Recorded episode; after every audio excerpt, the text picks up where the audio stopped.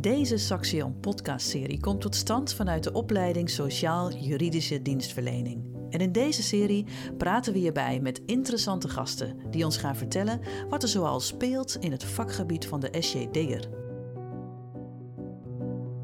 Ik ben Lieke Samuels. Ik uh, ben docent bij de opleiding SJD, Sociaal-Juridische Dienstverlening uh, van Saxion. Um, en ik zit hier vandaag niet alleen. Uh, we hebben namelijk ook een gast.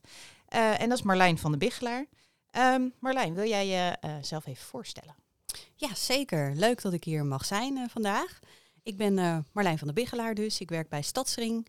Dat zit in Amersfoort. En wij voeren schuldhulpverlening uit voor de inwoners van Amersfoort en Leusden. En doe nog veel meer dan dat. Daar zal ik straks wat meer over vertellen. Um, en wij, ik, ik werk er al uh, zo'n 17 jaar nu. En uh, ben begonnen als schuldhulpverlener en ben nu projectleider. En hou me bezig ook met preventieve activiteiten. Dus om uh, schulden te helpen voorkomen. Ja, nou ja, je zegt net al preventieve activiteiten. Nou, dat is waar we het later in deze podcast voornamelijk bij stil gaan staan. Um, maar nu misschien dat je inderdaad nog iets meer kan vertellen over Stadsring en nou ja, de organisatie. Wat doen jullie allemaal? Ja, wij zijn een stichting gevestigd in Amersfoort. En um, wij krijgen subsidie van de gemeente Amersfoort en Leusden om de schuldhulpverlening voor die inwoners ook uit te voeren. En doen daarnaast dus ook nog allerlei preventieve activiteiten. Doen ook sociaal-juridische spreekuren in omringende gemeenten. Dus eigenlijk van alles, van alles en nog wat. Ja, en jij bent dan projectleider. Ja. Wat, wat houdt dat precies in voor iedereen die dat niet weet? Ja, we hebben bij Stadsring een projectbureau. En dat bestaat uit drie medewerkers en wat ondersteuning. En wij doen allerlei projecten om de schuldhulpverlening te verbeteren. want de wet wijzigt regelmatig en dan moet je op inspelen natuurlijk. Zeker. Er komen nieuwe projecten daardoor bij. En als die eenmaal zijn afgerond, dan gaat het gewoon richting de uitvoering. Dan kunnen zij daarmee verder. Um, en daarnaast uh, zijn we ook bezig met beleid. Om te kijken of dat allemaal nog aansluit met wat de inwoners nodig hebben. Dus uh, op die manier zijn we druk bezig. En ja. we doen ook veel in preventie. Want we merken ook dat het steeds meer verschuift. Dat, mm -hmm. nou ja, het is natuurlijk veel beter om schulden te voorkomen. dan om uiteindelijk mensen die problematische schulden hebben, die aankloppen, om die dan verder te helpen. Zeker. Dan ben je eigenlijk al te laat. Ja, uh, nou, jullie klinken inderdaad als een hele drukke stichting, drukke organisatie die veel, uh, veel doen. Um, en je geeft net al aan dat, uh, dat jij bij het projectbureau als projectleider, of dat jullie eigenlijk hè, met die anderen ook, dat jullie ook veel bezighouden met preventieve schuldhulpverlening en daar veel activiteiten in doen. Um, kan je iets meer uitleggen over wat is nou dan preventie en preventieve schuldhulpverlening? Want kan me voorstellen dat dat een soort schuldhulpverlening of een begrip is die nog niet heel veel mensen uh, kennen. Want het is een beetje opkomend, hè, wat je net zei. Ja, het is heel breed ook. Je kan er van alles in doen. Eigenlijk begint het met uh, informeren en voorlichten. Dus dat is heel laagdrempelig. Eigenlijk wil je er zo vroeg mogelijk bij zijn als mensen nog niet eens financiële problemen hebben. Denk aan bijvoorbeeld uh, kinderen die nog thuis wonen, die 18 worden. Er verandert een hele hoop. Ouders krijgen dan minder uh, tegemoetkomingen van de Belastingdienst bijvoorbeeld. En de kinderbijslag valt weg.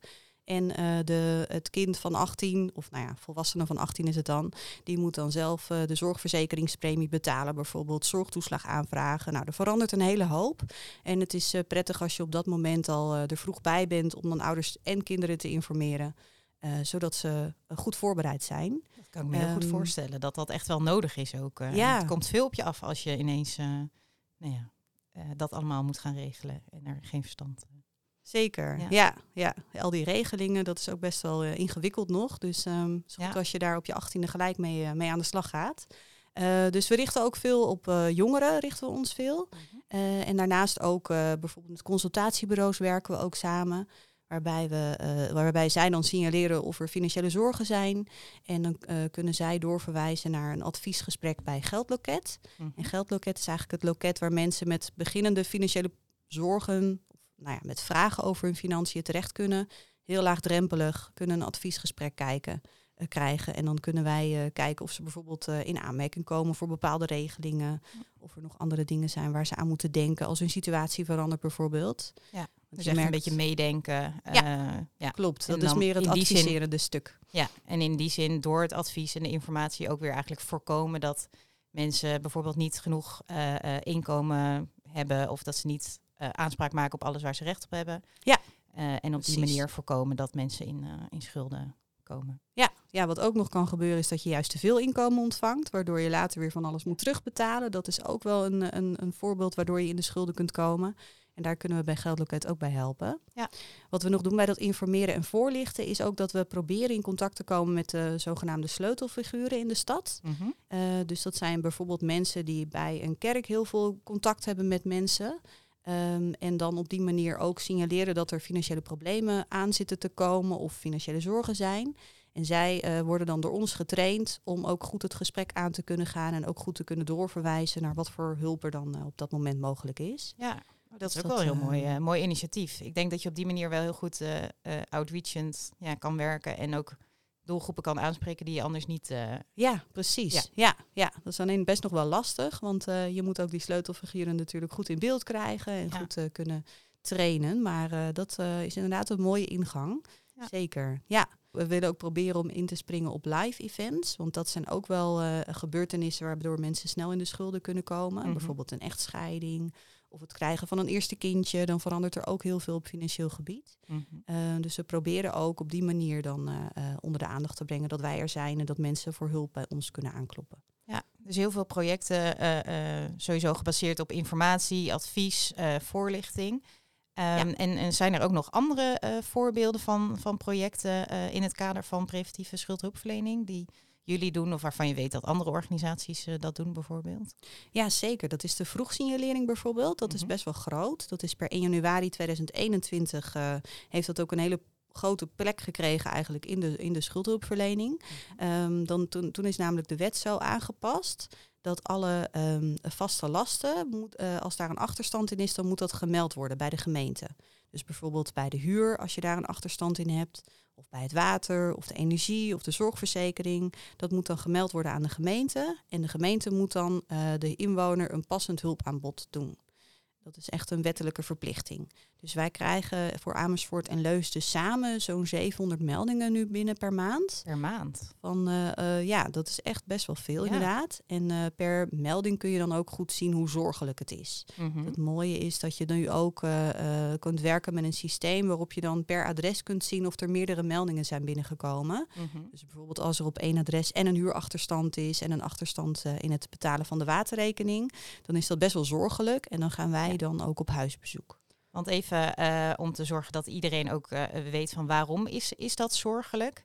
Um, ja, bij een huurachterstand is het, als ik het goed zeg, bij als je meer dan drie maanden je huur niet hebt betaald, dat er al echt wel misschien huisuitzetting dreigt. En bij ja. water kan het inderdaad ook snel zijn dat als je dat een paar keer niet betaald hebt, dat, dat je misschien afgesloten kan worden. En hetzelfde voor Elektra. Dus dat is volgens mij ook de bedoeling van dat project, hè, dat, dat dat voorkomen wordt. Klopt. Ja. Um, maar daarnaast dan ook, uh, want hoe gaat het in zijn werking? Gaan jullie dan in gesprek met die mensen? Of uh, uh, nou ja, in, in wat voor manier komen jullie dan die mensen tegemoet?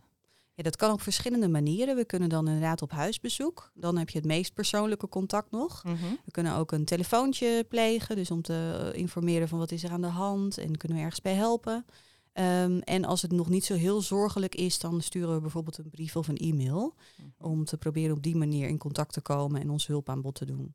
Maar wat je merkt, want die achterstanden zijn vaak van één of twee maanden, mm -hmm. uh, dat we er echt heel erg op tijd bij zijn. Dus dat heel veel mensen aan ons teruggeven van ja, ik heb geen hulp nodig op dit moment, ik los het zelf wel op. Ja. Dus op die manier eh, ben je wel in beeld. Dus mensen weten dan wel waar ze terecht kunnen als ze echt in de problemen komen. Maar op dat moment, we zijn eigenlijk dan te vroeg voor mensen om echt te zeggen van ik kom gelijk uh, langs en ik uh, wil heel graag dat adviesgesprek. Ja, dus ja, kan dat, ik me ook wel weer ergens voorstellen dat je bij één keer denkt van nou ik kan het zelf nog wel ja. uh, regelen. Maar wel goed om nou ja, dat zij dan in ieder geval weten uh, dat jullie er zijn en waar ze kunnen aankloppen. Ja. Uh, en dat jullie ook meedenken. Zeker. Ja. Want letten jullie bij, bij zo'n contactmoment dan alleen op hetgeen wat gemeld is? Dus alleen op de waterachterstand bijvoorbeeld. Of vraag je dan ook meteen door naar andere ehm, zaken die misschien kunnen spelen of andere um, plekken waar misschien schulden kunnen zijn? Ja, dat is wel inderdaad de bedoeling om dat breder uit te vragen. Alleen je merkt al dat mensen soms al heel af, afhoudend zijn, terughoudend zijn. En zeggen van ja, die waterrekening die betaal ik wel en voor de rest heb ik geen hulp nodig. Dus als mm -hmm. dat al wordt gezegd, is het best moeilijk om dan verder in gesprek te gaan over wat er nog meer speelt. Ja. Maar als, je wel, als dat wel lukt, dan is het inderdaad mooi als je gelijk andere problemen ook in, uh, in beeld krijgt. Ja. En dat kan ook meer zijn dan alleen de financiële problemen. Dus dan kun je ook uiteindelijk bijvoorbeeld ook gaan samenwerken met een wijkteam of een andere organisatie in de stad die, die op die problematiek zeg maar meer kan begeleiden. Ja, dus je, um, het vroeg signaleren en de preventieve schuldhulpverlening, dat is ook wel echt een soort samenwerkingsverband met andere partners in, in de gemeente, in dit geval Amersfoort en Leusden. Ja, ja dat klopt. Ja, en welke, welke partners zijn dat dan? Want je, nou ja, sowieso dan natuurlijk de, de waterbedrijven en de huurorganisaties.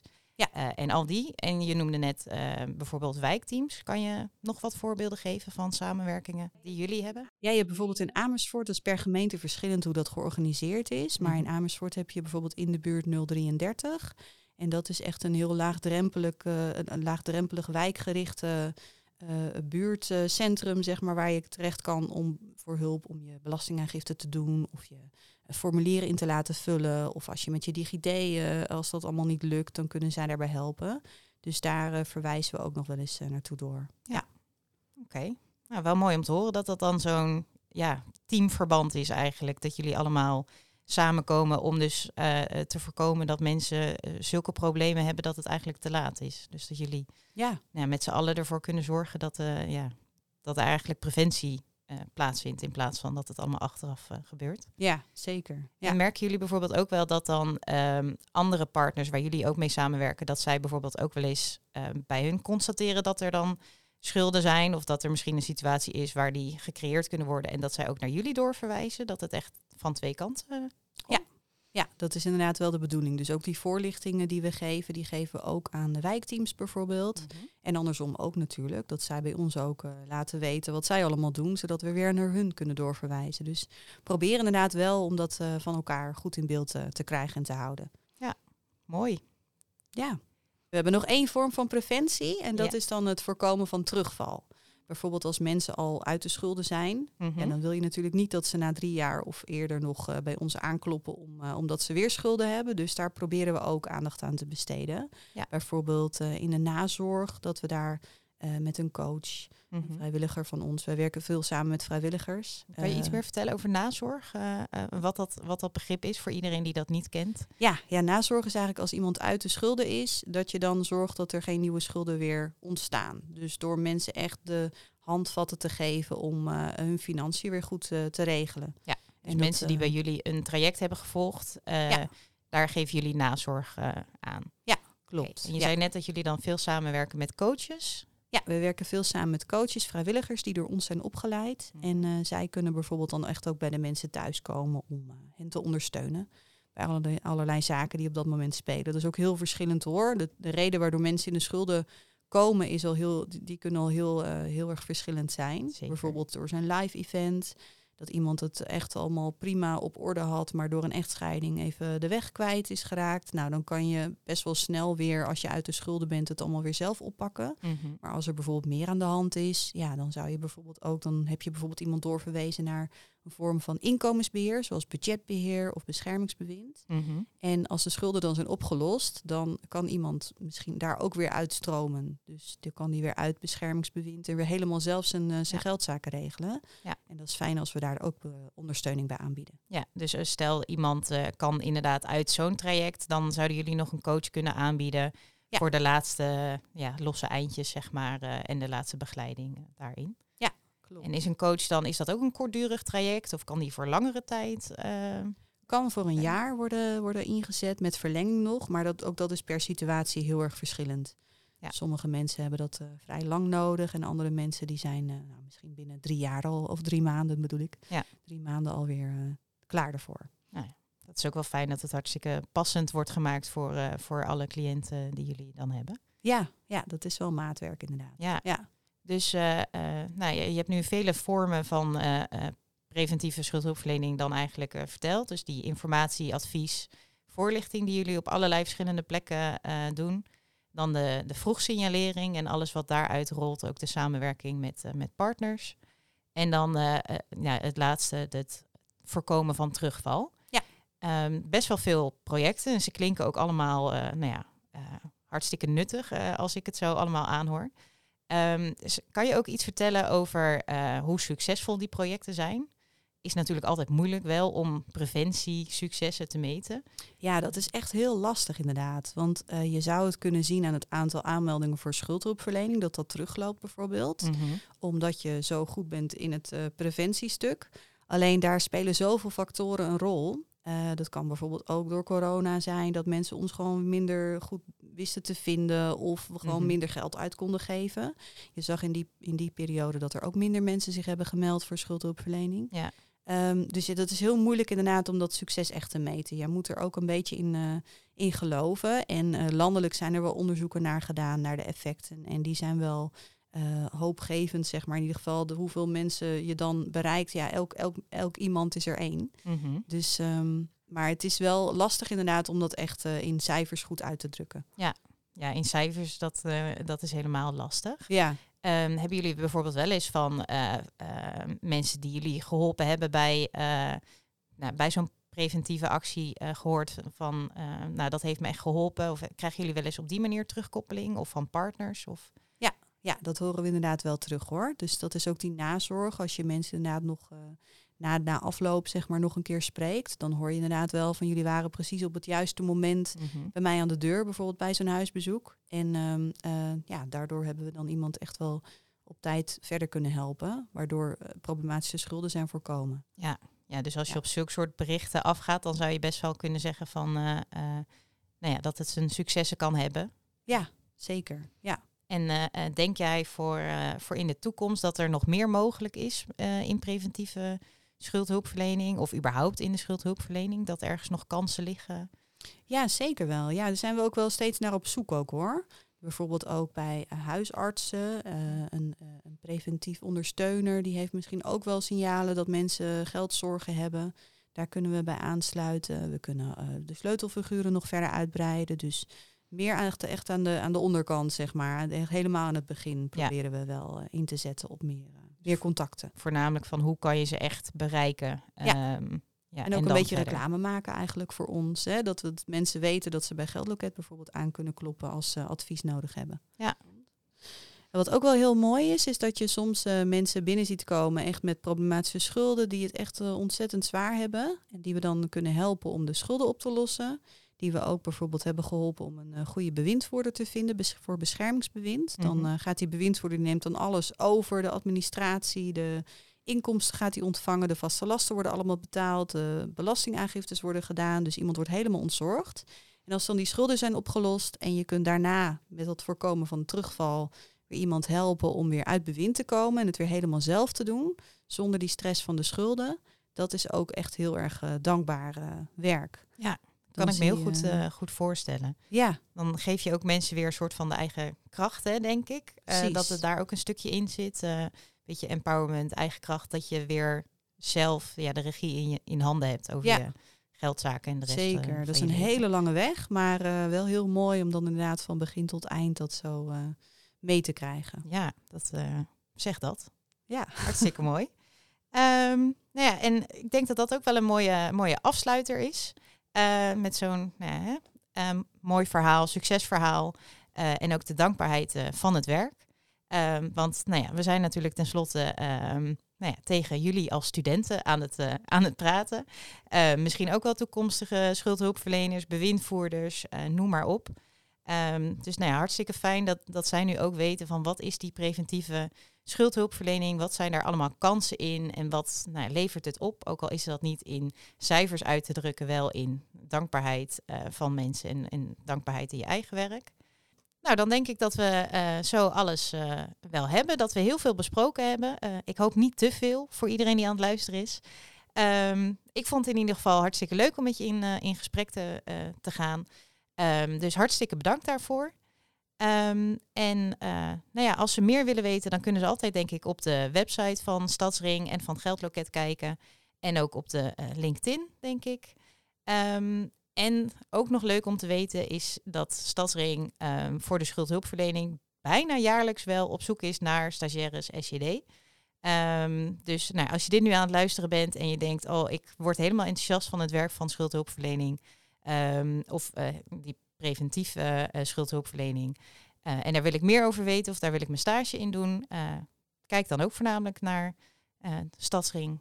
Heb jij daar nog ja, welkom. Wij zijn altijd heel blij met stagiaires, want die doen altijd heel veel ondersteunend werk voor ons. komen ook vaak met frisse ideeën, kijken weer op een hele andere manier naar situaties. Dus um, nou, wees welkom inderdaad. Mooie afsluiter. Dankjewel Marlijn. En aan iedereen die heeft geluisterd, hartstikke bedankt voor het luisteren en tot een volgende keer. Ja, bedankt.